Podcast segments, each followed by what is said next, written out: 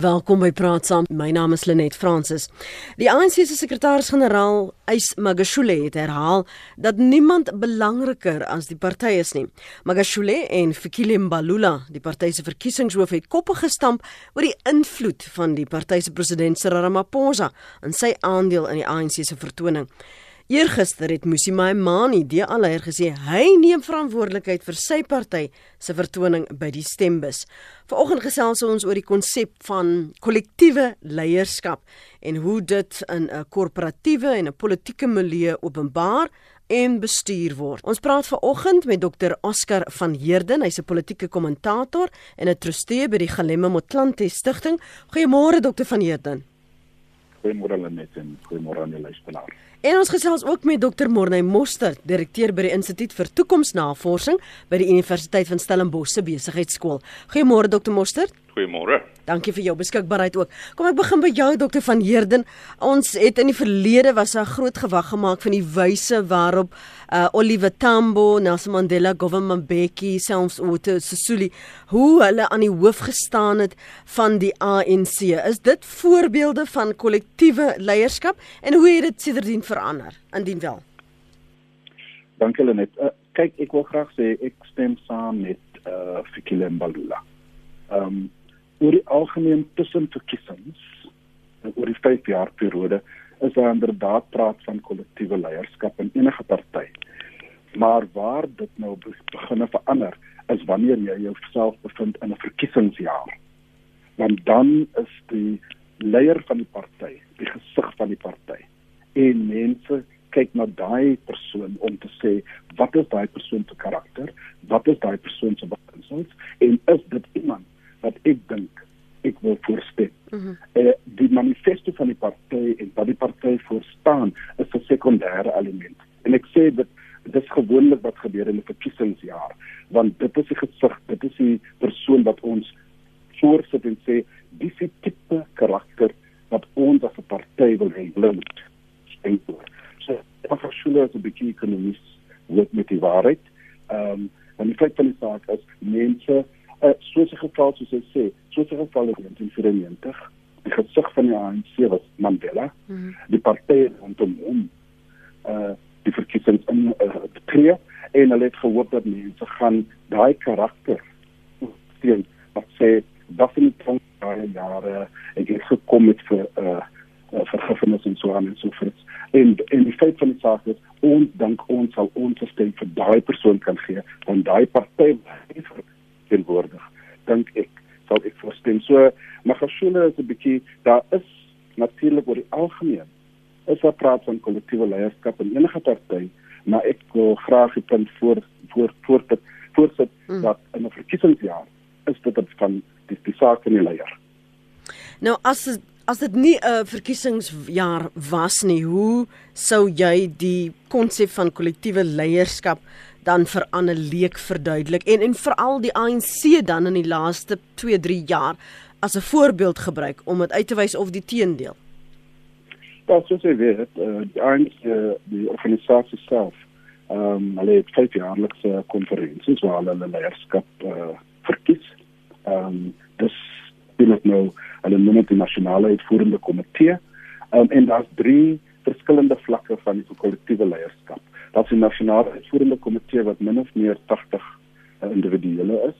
Ehm um, en dit is die konstitusionele uh, leierskap wat besluit neem tussen die konferensies. Dit is die hoogste besluitnemings uh of in is uh jy weet struktuur van die. ANC, maar omdat dit gegee word die feit dat dit so 'n groot struktuur is, 80 mense, ehm um, ontmoet hulle elke kwartaal, so dis elke 3, 4 maande.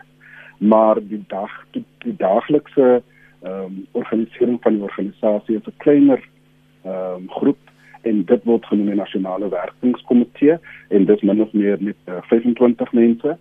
Ehm um, en dan natuurlik daar is daar die top 6 uh, uh amptenare van die ANC, dit die president, die vice-president, die sekretarisse, Aisha Mahashule, die vice-sekretarisse, uh, Jessie Duarte en natuurlik die treasurer ehm um, ehm um, Kizi skiet uh, Paul Machatile. Mm. Ehm um, so so daai ses persone, hulle het 'n vergadering weekliks.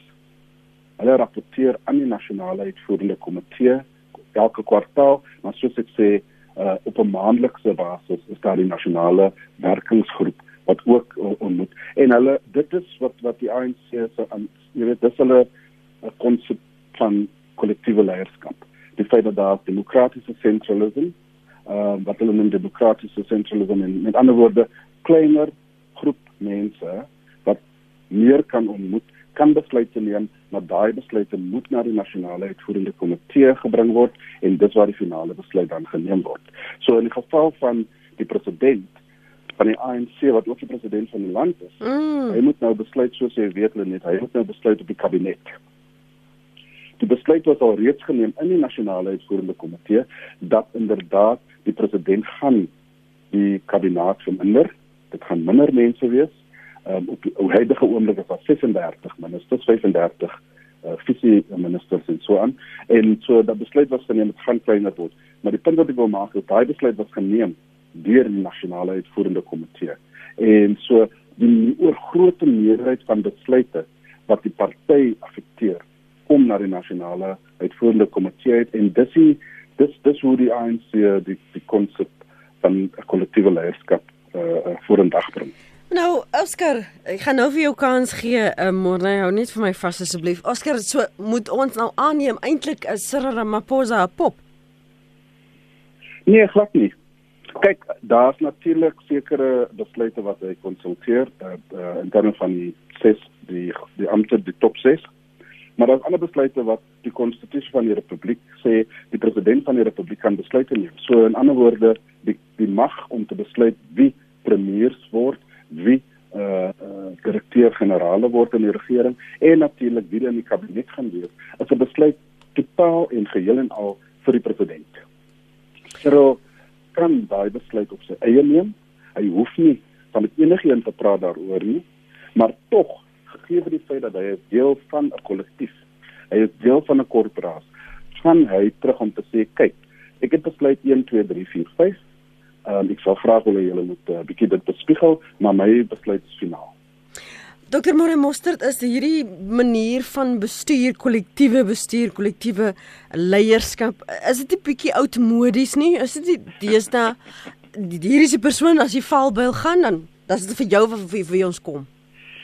Ja, ek dink dit miskien as ek as ek mag een stapie terug gee en net -hmm. so 'n raampie probeer skep vir uh vir die konsep. Ehm um, dan kan 'n mens dalk sê jy kan dink oor uh kollektiewe leierskap as eersins dat dit is 'n sosiale proses. Met ander woorde, daar is altyd meer as een mens betrokke. Ehm um, so jy kan nie dit is eintlik 'n bietjie van 'n denkfout om ehm um, kollektiewe leierskap te probeer verstaan net aan die hand van een persoon want dit is altyd in 'n binne is groot sosiale konteks. En dan die tweede ding is dat dit is eintlik 'n groep mense wat wat 'n gedeelde doel uh voor oë het. Hulle wil saam iets bereik en hulle het 'n konsensus of 'n voldoende konsensus om uh, daai doel te bereik. En jy kan nou sien hierdie definisie werk of dit nou 'n politieke party is of 'n land uh, of 'n organisasie of 'n familie of 'n sportspan. En die die volgende belangrike ding, ehm um, as mense sê dis 'n sosiale proses waar mense 'n gedeelde doel het uh, waar daar voldoende konsensus is, is dat die ver verhoudinge word so gestruktureer dat hierdie gedeelde doel of wat gestel word as die gedeelde doel optimaal gefasiliteer word. Met ander woorde, die die ehm um, dit speel uit in die strukture van die plek, ehm um, maar ook in die interpersoonlike verhoudinge. En dat mense dan dit nie baie moeilik vind om saam te werk om 'n gedeelde doel te bereik nie. So, ek dink dit is 'n dis 'n nuttige perspektief omdat 'n mens dan so raamwerk kan gebruik om te sê maar tot watter mate is die ANC of Suid-Afrika of Bafana Bafana of jou familie mm -hmm. uh eintlik ehm um, besig met iets soos kollektiewe leierskap. Vir die mense wat belangstel ehm um, ek het vanoggend op ons web op ons Facebook bladsy op die Institute for Futures Research uh, iets ge, gepost vir vir ons se gesprek. En dit dit is 'n uh, 'n verantwoordelikheidsmatriks want dit, dit dit raak baie interessant wanneer mense gaan kyk na die aspekte rondom verantwoordelikheid en kollektiewe ja. leierskap. Met ander woorde, wie is nou verantwoordelik? So die mense wat nou daarna ons Facebookblad toe gegaan het by die Institute for Futures Research sal sien daar so so matrix en is 'n baie eenvoudige dingetjie. Dit sê individual and collective en individual en collective op twee verskillende aste. En wat dit eenvoudig sê is jy kan dink aan 'n individu wat verantwoordelik is vir homself of haarself. Maar jy kan ook dink aan 'n individu wat verantwoordelik is vir die kollektief. Mhm. Mm en dan kan jy dink aan die kollektief wat verantwoordelik is vir die individu en jy kan dink aan die kollektief wat vir homself verantwoordelik is. Met ander woorde, kom ons sê nou maar, ehm um, die individu is verantwoordelik vir sy individuele aksies. Dan kan mense sê iemand wat sê nou maar korrup is. Jy kan tog nie dan sê, maar jy weet, dit is 'n kollektiewe ding. En ons het byvoorbeeld 'n geval gehad by Cinema by by die verwydering van Zuma en van Mbeki waar die kollektief eintlik 'n besluit geneem het oor die individue. Met ander woorde die kollektief in hierdie geval die ANC het besluit die individue in hierdie geval Zuma en Mbeki moet van hulle rolle verwyder word. So ek dink dit is belangrik om te besef dis 'n sosiale proses, hulle het 'n gedeelde doel, die verhouding moet so gestruktureer word dat hulle kan saamwerk en dan moet 'n mens dink tot watter mate ehm um, is daar verteenwoordiging tussen die individu en die kollektief. Hmm. Ons kan terugkom na wie verantwoordelikheid aanvaar. Ek ek wil net 'n opinie hoor oor 'n ander mening van uh uh Kolela Manku die politieke joernalis wat sê daar bestaan nie eintlik uh, hierdie konsep van 'n kollektiewe leierskap in politiek spesifiek nie want waarop dit neerkom is dat dit eintlik faksies en groepe is soos in die geval van Figile Mbalula en Ismagashule ons weet hulle is 'n verskillende kampe en dat dit dit is waar hulle veg teen mekaar vir mag. Uh, kom ek gee eens gou vir jou kans Oscar om te reageer of jy daardie sentiment deel? Nee, ek ek, ek stem nie saam met daai sentiment. Ek mm. ek weet vir 'n feit, ek sal sê manke is is korrek as hy sê daar's faksies en daar's groepe en so aan ons sien dit in die DA. Ehm um, dis die rede hoekom my ma nie ook nou gesê het dat hy vat volle verantwoordelikheid vir die uitkom van die eh uh, uh, verkiesing en so aan. Ehm um, Ja, daar is groepe in die FedEx van die DA, net soos daar groepe is in die nasionale uitvoerende komitee van die ANC, maar dit sê tog nie dat daar is nie 'n konsep of daar bestaan nie kollektiewe leierskap nie. En die feit van die saak is soos uh, Morne jouself gesê het, ek het nou nie die matrix bespiegel nie, mm. maar soos die matrix sê, daar's individuele, so met ander woorde, Fikile en en en Magashule het natuurlik nou ehm um, jy weet um, koppe gebots by by by die IC, maar tog is hulle deel van 'n kollektief. En uh, ek sal aanneem dat in uh, gister se uitvoerende komitee vergadering van die ANC dat die twee individuele gesê deur die kollektief hou op met julle uh, uh, julle nonsens. Mhm. Ehm mm um, uh, ons kan nie in uh, in in die openbaar mense van julle uh, leierskap kapasiteit sien koppe bots nie want dit is 'n nadeel vir die party. Kom ons gaan met woorde, hulle is tog nog steeds onder die kollektiewe leierskap van die ANC al is daar groepe en faksies. So ek stem saam met Nantu dat dit 'n konsep wat nie uh, bestaan nie. Dit is daar. Hmm. Ehm um, ek weet vir 'n feit vir uh, byvoorbeeld dat uh, 'n uh, paar maande terug was president um, Ramaphosa en die sekretaris so is Magashule ook gesê deur die ANC kollektiewe leierskap uitvoerende komitee uh, dat hulle moet asseblief ophou met julle uh worsteling in die in die publiek. Hmm. Ehm um, en so aan so daar is individuele ekstensaan en ek dink die matrix maak sin, um, maar tog wil ek sê om te sê gegee die feit dat daar faksies en groepe daar dan bestaan kollektiewe leierskap nie ekstensaan dit nie. Uh, gegee jy nou mooi verduidelik wat die die matrix en, en hoe die die individu en dan ook die kollektief en wanneer jy verantwoordelikheid aanvaar al dan nie sê byvoorbeeld en ons spekuleer nou net hierso môre maar met daardie matrix in gedagte sê nou die ANC het nou nie so goed gevaar nie. Is dit dan nou baie gerieflik om dan te sê maar dit was die individu in hierdie geval, nie die kollektiewe leierskap nie? Ja, dis presies reg. Uh, dit is eintlik presies wat gebeur. Ek gaan nou 'n ander dingetjie daar opsit ehm um, vir die Ek stem saam met kyk. Hmm. Ehm um, dit is presies wat gebeur. So as jy nou as jy nou eh, 'n uh, bietjie dieper gaan dink oor die ding, dan kan jy dink oor ehm um, eerstens wat wat is jou filosofie? Ons kan dit nou mooi verduidelik in sy inleiding. Dat daar is 'n gestelde filosofie en dit is wat ons sê wat ons aanhang. En dan is daar 'n soort van onderliggende of sluimerende filosofie en dit is wat eintlik nou aan die gang is. En dikwels hoor mense by die ANC dat die gestelde ehm um, of die eksplisiete filosofie is een van kollektivisme. Met ander woorde, ons is almal saam in die ding en ons staan saam. Maar dit hang baie af van jou vraag net oor of daar sukses is en of daar eintlik uh foute gemaak is. So daar's nou 'n ander matrix daarop as jy wil gaan kyk op ons op ons Facebookblad wat kyk na individualisme en kollektivisme in verhouding tot sukses en en uh failure. Ehm um, en wat 'n mens baie keer daar vind is dat indien jy suksesvol is in jou eie hoedanigheid, jy bereik nou sukses, dan is jy skielik individualisties. Ja. Met ander woorde dan sê jy man, dit is dit kom van harde werk en ek moes moeilike besluite neem en dit is nou die resultaat.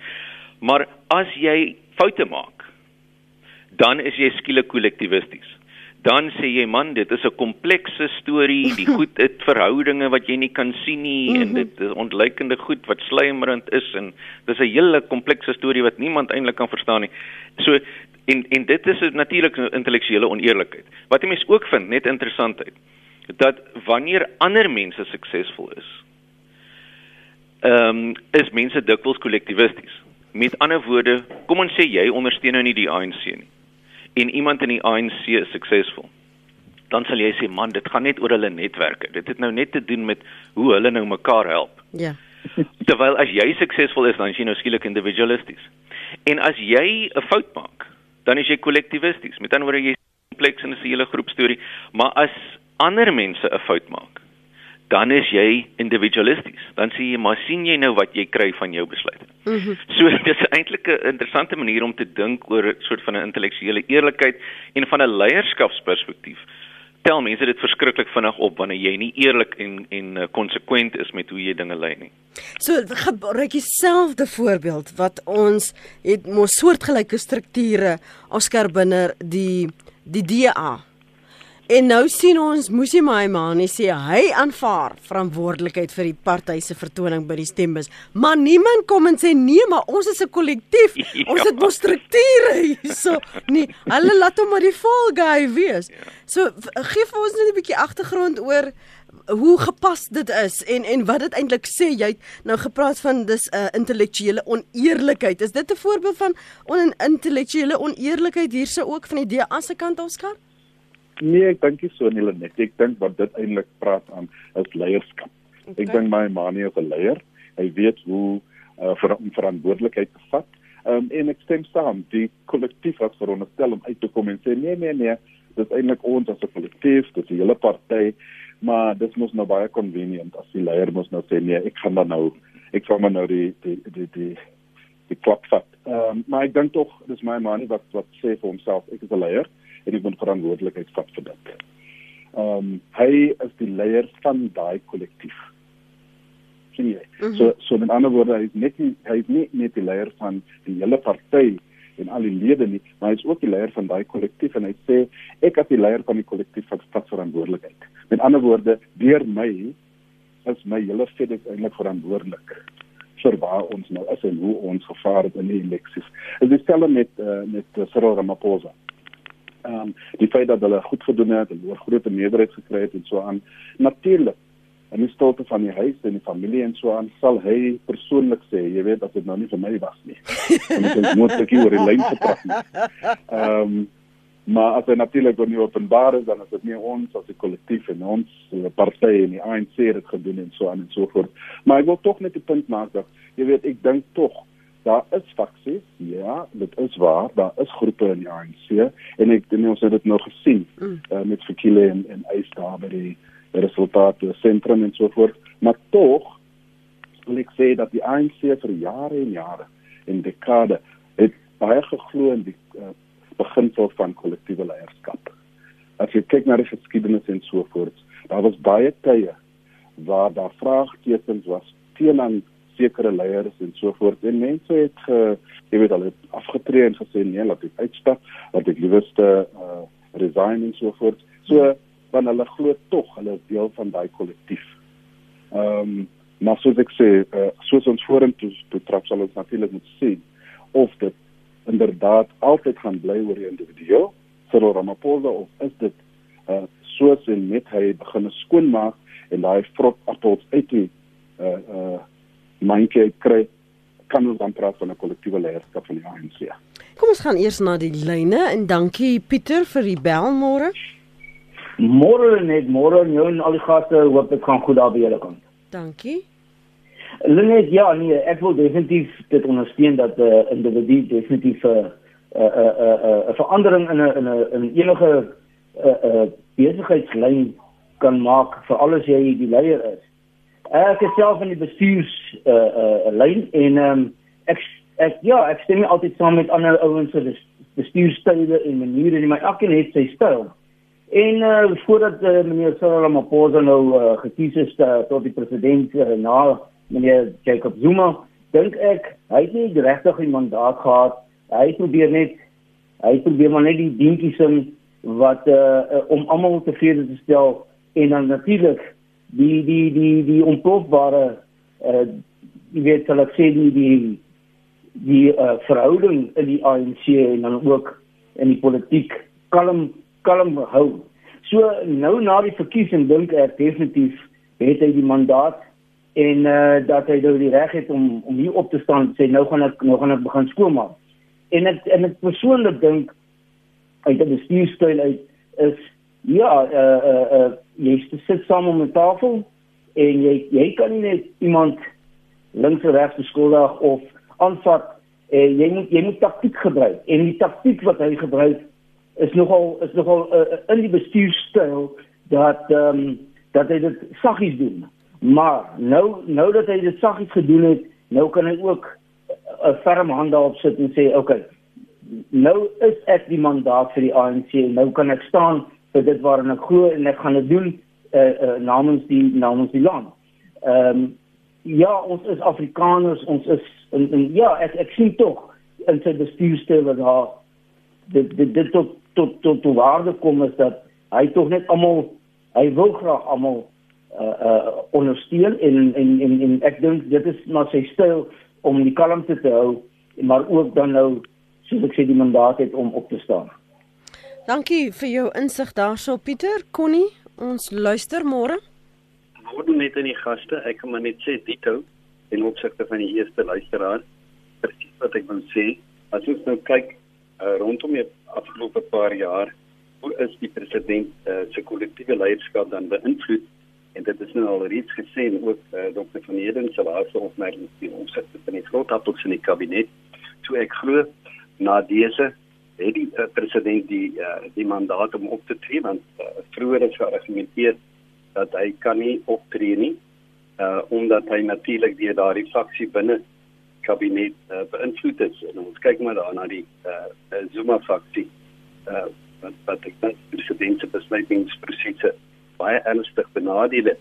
Een aspek wat ek dink waaraan die president verder gemeet gaan word is sy beloftes wat hy uh, voor die verkiesing gemaak het en ek herinner my aan dit dink dat Saterdag die 4de Mei net voor die verkiesing waar hy gesê het dat mense wat skuldig bevind word aan korrupsie uh, of net by staatskaping betrokke was uh, sal nie toegelaat word om verantwoordelike poste te beklee nie. Dit is dan nou net sê nie ANC die parlement of uh, in die regering. So ek dink uh, hy het ook gesê die tyd vir vrywaring is verby. So ons sal nou, om nou meet aan daardie beloftes wat hy gemaak het. En natuurlik natuurlik laat net uh, laastes afsluit. As ons dan praat van kollektiewe leierskap, dink ek dit is belangrik dat ons daardie leierskap uh, ook sien uh, waar dit geassosieer en gekenmerk word deur 'n sosiale intelligente leier wat die president behoort te wees. Uh, iemand wat uh, voortdurend aandag gee aan onderstroming van onsekerheid wat ons beleef. Baie dankie mm. mooi dag. Dankie daarvoor uh, Connie op lyn 2. Oskar as jy luister na die punte wat Pieter en Connie maak en jy pas dit ook toe op dit wat ons by ander politieke partye uh, uh, sien die leierskap daar daar's nou al reeds bespiegelinge oor hoe gaan gaan gaan daar ooit 'n uh, IDM regtig wees 'n kope EFP sonder 'n Mangosuthu Buthelezi, 'n Masuela Kota, 'n uh, Holomis, 'n Bantu Holomisa. Hoe sien jy dan bring jy indien 'n kollektiewe die konsep van kollektiewe leierskap kan werk? Hoe bring jy dit in so 'n party waar daar nog altyd net een sê was of dan klaarblyklik een sê was? Ja nee, kyk ek ek stem saam met die uh, punte wat Pieter en Connie maak. Ek dink dit is reg wat Pieter sê dat eh uh, Cyril ehm um, 'n bietjie weggetrap voor hierdie verkiesing, die jaar voor die verkiesing om omrede hy wil graag ge hy moet 'n vars mandaat kry van die mense van die land en hy het nou dit gekry en ek dink met daai mandaat ek stem saam met Pieter gaan hy nou 'n uh, sekere sy voet begin neersit en en sekere ehm um, besluite neem. Um, ek wil tog net die voorbeeld maak uh, want mense is geneig om te sê jy weet soos jy self gesê het hulle net ehm um, is hy is hy 'n uh, pop van die uitvoerende komitee en, en die voorbeeld wat ek wil maak is net twee klein voorbeeldjies. Jy weet, hy het nie noodwendig 'n uh, uh, um, toestemming gevra vir die uitvoerende komitee toe hy 10 ministers in die pad gesteek het uh, uh, verlede jaar nie. Um, hy het daai besluit geneem as die president van die land. Hmm. Hierdie is is fort fort appels ehm um, geassosieer met die Zuma administrasie en hulle moet hulle moet in die pad gesteek word. En dit was 'n besluit wat hy geneem het. Ehm um, tweedens alhoewel die die parlement ehm um, besluit het om vir Robert McBride oor die kolle te trek en en vir hom nie sy kontrak te hernie het die president weer eens later besluit nee ek stem nie saam met daai besluit nie ek wil graag hom aanstel as die leier van die etiese eh uh, komitee vir al die vir die hele regering en so aan. So dis besluite wat hy neem op sy eie en nou wat hy 'n vars mandaat het, stel ek ek, ek stem saam met Pieter, gaan hy meer van daai individueel uh besluite neem wat nie noodwendig um, die die die samespreking van die uitvoerende komitee het nie. Konnie se punt is ook uh uh baie uh, baie goeie punt. Ek ek stem saam dat die president het sekere beloftes gemaak en so aan en ons moet hom toe ons moet hom hou aan daai. Hy moet vir ons wys. Ehm um, soos jy self weet, die ANC het natuurlik gedaal, dis nou minder as 60% uh 57.5 presies te sê en uh, dit sê vir die ANC dat uh, as jy nie van staan by die beloftes wat jy gemaak het, dis Cyril Ramaphosa en jou ANC kom die volgende verkiesing is daar moontlikheid dat hulle uitgestem gaan word. En ek dink dat dat dat daar word daai assosiasie. Uh te kom te kom by jou punt uh, Lenet. Ek stem tog saam ja, daar's individuele uh hulle kota uh, Pantulanisa en so aan wat een wat een sitplek of minstens twee sitplekke in die parlement het. Kan ons praat van kollektiewe leierskap daar? Ehm um, hulle hulle gee nog steeds die indruk dat hulle konsulteer met hulle uitvoerende komitee. Hulle het natuurlik 'n uh, uh, uh, uitvoerende komitee, COPE en UDM en so aan. Maar die jy weet ek het baie uh kontroversieel punt gemaak 'n uh, paar dae terug in 'n nog 'n onderhoud toe ek sê dat ek dink tog ons moet ons moet die die reëls van ons verkiesing en moontlik die regte 'n bietjie uh bespiegel want partye wat een of twee sitplekke kry, ek dink um, ons moet by 'n situasie kom waar na die verkiesing en dat as jy nie 'n sekere aantal sitplekke gekry het in die parlement nie, dan val jou party weg. Maar dit is natuurlik baie kontroversieel. want jy jy verstaan nie die geld wat gespandeer is nie, nê? En en al die lobbying wat wat moes gebeur het nie. Dis al my mense die baie moeilik baie kwaad maak. Ehm um, Dr. Morne Mostert, jou reaksie op op die punte wat uh, Asker en uh, Connie en Pieter sê uh, deel? Ja, ek ek dink die rede hoekom dit goed baie keer nie so gebeur nie is eintlik omdat dit so bietjie kompleks is. Byvoorbeeld, ons uh, verwag nou ehm um, in hierdie gesprek uh, lyk dit of 'n konsensus is dat ons het nou 'n verwagting dat meneer Ramaphosa moet nou baie meer individualisties optree. Met ander woorde, hy moet nou sê ek vat nou voor ons gaan nou hierdie rigting inslaan, mm. ons gaan nou hierdie sogenaamde slegte appels of ander vrugte van ontslaa raak. Maar kom ons sê meneer Zuma het so opgetree. Kom ons sê meneer Zuma het individualisties mm. opgetree. Dan het ons skielik gesê nee, wag, wag, wag 'n bietjie. Hierdie is darem 'n demokrasie. Jy moet nou 'n bietjie stadig, jy weet, jy moet dan nou dink aan wat is ander mense se behoeftes en wat wil hulle hê. Met ander woorde, jou eie filosofie bepaal dan eintlik of jy dan nou of en, en of jy 'n voorkeur of 'n nadeel het vir die duidige man of vrou se se benadering. Dit bepaal eintlik of jy nou individualisties of kommunalisties raak en dit is die dit is die dilemma. 'n Mens kan ook byvoorbeeld dink oor ehm um, oor jy kan 'n onderskeid maak tussen bes, die besluitnemingsprosesse en wie bevoordeel word uit die besluitnemingsprosesse. So die besluitnemingsprosesse byvoorbeeld uh onder Zuma sou mens baie keer kon sê Zuma was eintlik 'n kollektiefis. Hy het in voordat hy nog die president geraak het, was sy hele strategie dat dit hang eintlik maar af wat mense wil hê. As hulle hom as die president wil hê, dan is hy heeltemal bereid om dit te aanvaar. En 'n mens sien in 'n uh, ontwikkelende ekonomie soos Suid-Afrika dat daai dialoog het verskriklike populariteit onder mense. Want dit gee vir hulle 'n gevoel van mag.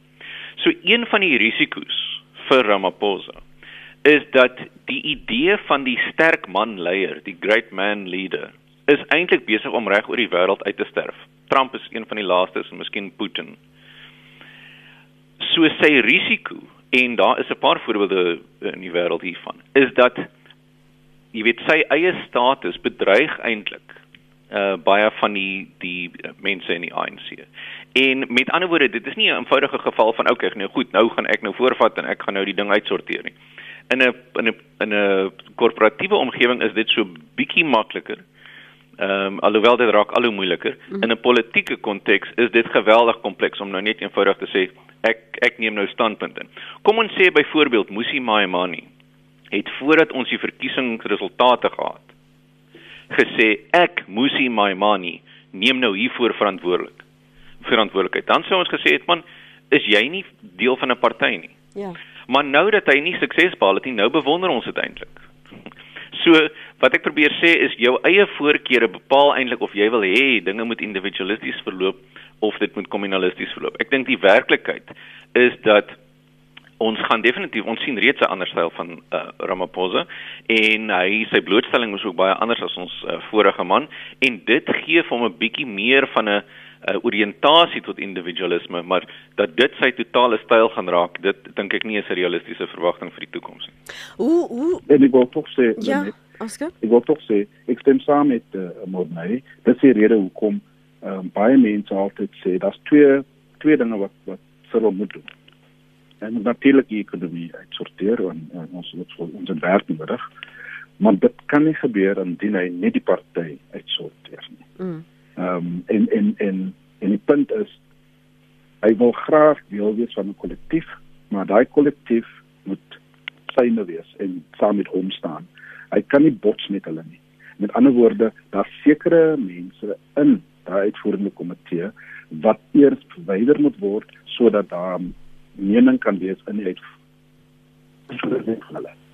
Maar nou hoe hoe help ons om dit te verstaan? Want jy wil ook nie ehm um, so uh, skoonmaak dat jou eie posisie in gedrang later gaan wees nie. Want ons weet die Zuma Didi Mabuze Ismagashuge faksie aan die een kant teenoor die ander is loop sterk water daar. En hoe raak jy van 'n paar ontsla maar jy hou op ander want as dit nie met wortel en tak uitroei nie jy kan mos nie net sê goed ons nie hier bo op die oppervlak maak ons skoon maar ons weet eintlik is die wortels daar en daar maar die die die gevaar is as ons van daai ontsla raak dan gaan ons ons eie posisie bedreig Nee, ek hoor jou. Ek dis dis reg. Ons wil nie graag die huis afbraak om 'n mens te vang nie. Ehm um, en ek dink tog dis waar kreatiewe denke moet in, intree. Ek dink die president uh, en die ANC sal moet dink uh, moontlik 'n 'n 'n amnesty tipe situasie wat sê kyk aan die einde van die dag daar was baie geld gesteel, gegeewe staatskaping, gegeewe korrupsie. Ehm um, kom sê vir ons wat jy verkeerd gedoen het bring daai geld terug en moontlik kan daar amnesty periode wees wat sê ons slaan jou op jou uh, oor jou vingers mm. of ons gee vir jou 'n suspended uh, sentence en so aan of inderdaad maar tog wil ek sê daar is sekere mense wat tronk toe moet gaan want kyk die fabriek van ons uh, samelewing is so dat ons wil graag hê as jy verkeerd doen ja as jy, uh, as jy 'n krimineel is dan moet jy natuurlik die die die, die nagevolge uh, kan kan kan sien. Ehm um, so ek ek hoor jou, ons wil nie die huis afbrand net om 'n mens te vang nie. Ehm um, en so sal ons moet nou baie versigtig en strategies trap, uh, maar tog wil ek sê daar sekere mense wat tronk toe moet gaan. Hoe hoe sien ons daardie situasie in 'n kollektiewe omgewing of 'n bestuursomgewing môre? Um ek ek gryp nou skielik na KPMG byvoorbeeld. Ja. En in die verlede waar ons ook gesien het, dis baie gerieflik om dan te sê Um, maar dit was nie ons besluit nie. Ons voer dit maar net uit. Of jy sien mense bedank skielik, want wie gaan nou nou pa staan of ma staan daarvoor? Dan is dit die bedanking ook nou 'n skielike aanvaarbare boetedoening. Dis nou die gevolg van dit. Ja, ek dink ek dink baie mense sou sê dit is nie voldoende nie. Net terloops, daar's fascinerende en skokkende navorsing uit die 1950s waar mense op die instruksie van ander mense ongelooflike verskriklike dinge doen wat hulle in hulle persoonlike kapasiteit nooit sou doen nie. En mense sien dit byvoorbeeld in in die sogenaamde mob mentality dat mense in 'n onder 'n groep mense 'n sekere gedrag uh tentoon sal stel wat hulle individualisties nooit sal doen nie. Dink byvoorbeeld nou om 'n na stand-up comic te gaan luister. Jy sal nooit so lag op jou eie. Maar nou kyk byvoorbeeld in die geval van Donald Trump en sy ehm um, advokaat, né? Nee? Sy prokureur, ja. die goed wat hy gedoen het in die naam van Ja. Ja, en en so dit is 'n gemaklike skuilplek vir uh vir politici. Ek wil graag aansluit by by Oscar oor oor wat staan iemand soos Ramaphosa nou te doen en die die belangrikheid nou van verbeeldingrykheid en ehm um, en langertermyn strategiese benaderings. Ehm um, meneer Ramaphosa het homself bewys uh, oor die laaste klompie jare as 'n uh, player of the long game. Mm. Jy weet hy is, hy hy hy, hy speel die lang spel en en ek dink ons kan verwag dat ehm um, dat dit sy uh, dit sy uitgangspunt gaan wees. Met ander woorde wat dit gaan beteken is hy sal die verbeelding van sy ehm um, van sy party moet aangryp met 'n uh, 'n baie aantreklike visie vir waarheen ons besig om om te beweeg. En dit maak dit skielik 'n toekomsoriëntasie. Ons is nou besig om iewers heen te beweeg eerder as dat ons besig is om van iewers weg te beweeg. En ons sien reeds daar's vroeë tekens dat dit is presies wat hy gaan doen. Baie meer internasionalisties, baie meer ehm uh, moderne denke, vierde industriële revolusie kommissie wat hy aangestel het, beleidskommissie en so aan, baie meer toekomsgerig baie meer 'n soort van ontwerper van die toekoms eerder as hoe maak ons onsself los van die verlede ten spyte van die feit dat daar 'n paar ankers is wat ons maar kan laat val. Hmm. Kom ons hoor wat sê Pier en Jan. Pier, jy's aan die woord. Goeiemôre, Lenet. Ek wil weer op die punt neerkom dat die uh, die staatspresident en al die parlementslede is onderhewig aan die grondwet en hulle lê die eet van getrouheid af om die land en sy mense, die republiek en sy mense te dien. En as daar enige iets wat die grondwet skaad, moet hulle dit teenwerk. Maar nou kom dit daarop neer. Die grondwet word nie uitgevoer nie. Met die uh, moeilikheid dat die uh, staatspresident hy moet die grondwet beskerm en verdedig. Dis al wat hy moet doen. Hy kan nie mense vang en in die tronk gooi nie en daai tipe dinge nie. Hy kan nie die grondwet verander nie.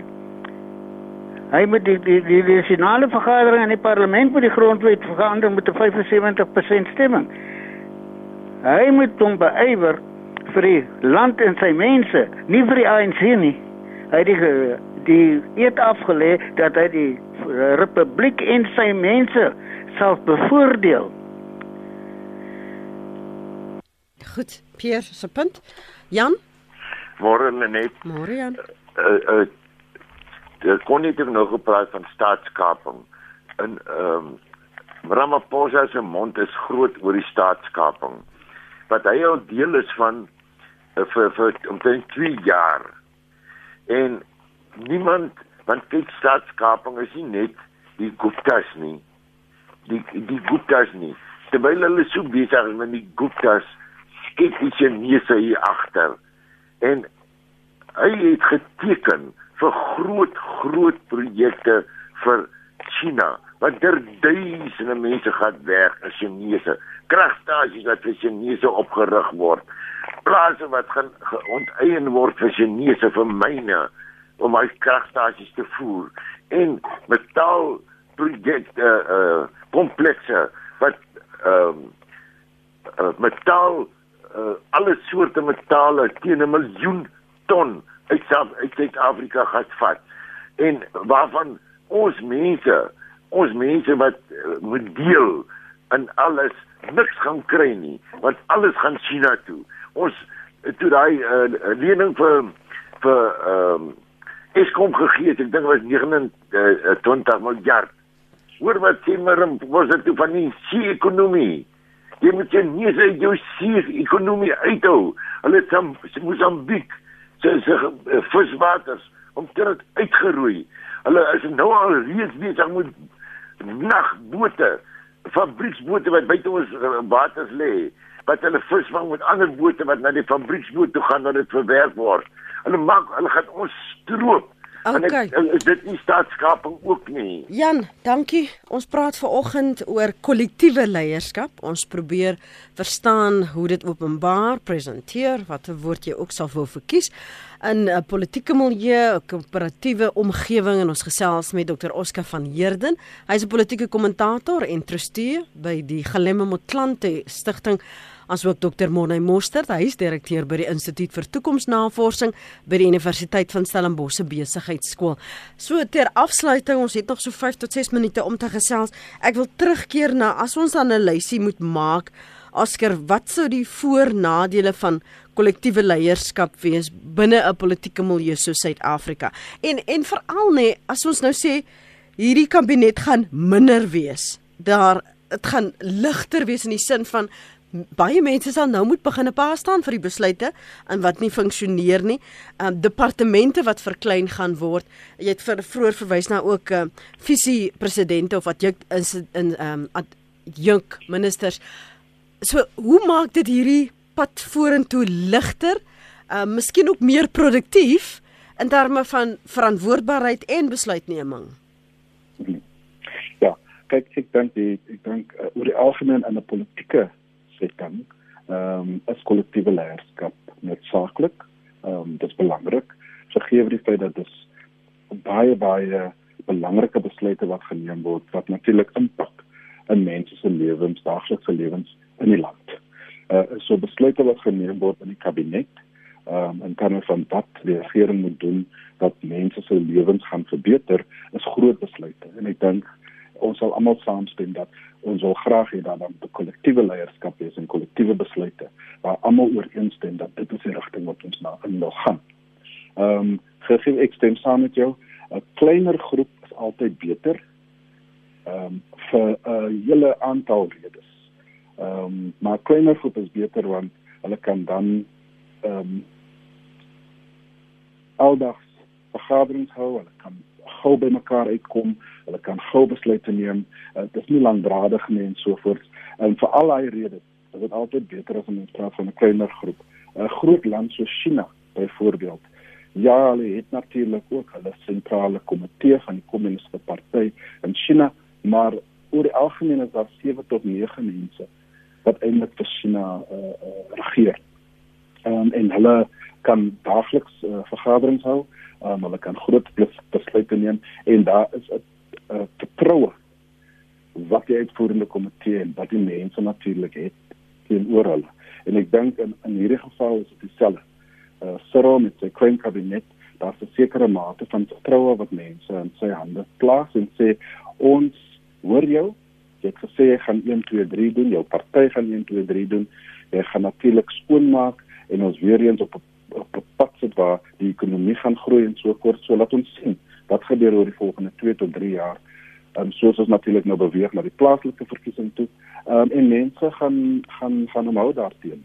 Ehm um, so ek dink daar is positiewe dinge in terme van kollektiewe leierskap. Die individu self glo ek as jy 'n politikus is, glo ek jy wil graag deel wees van 'n kollektief.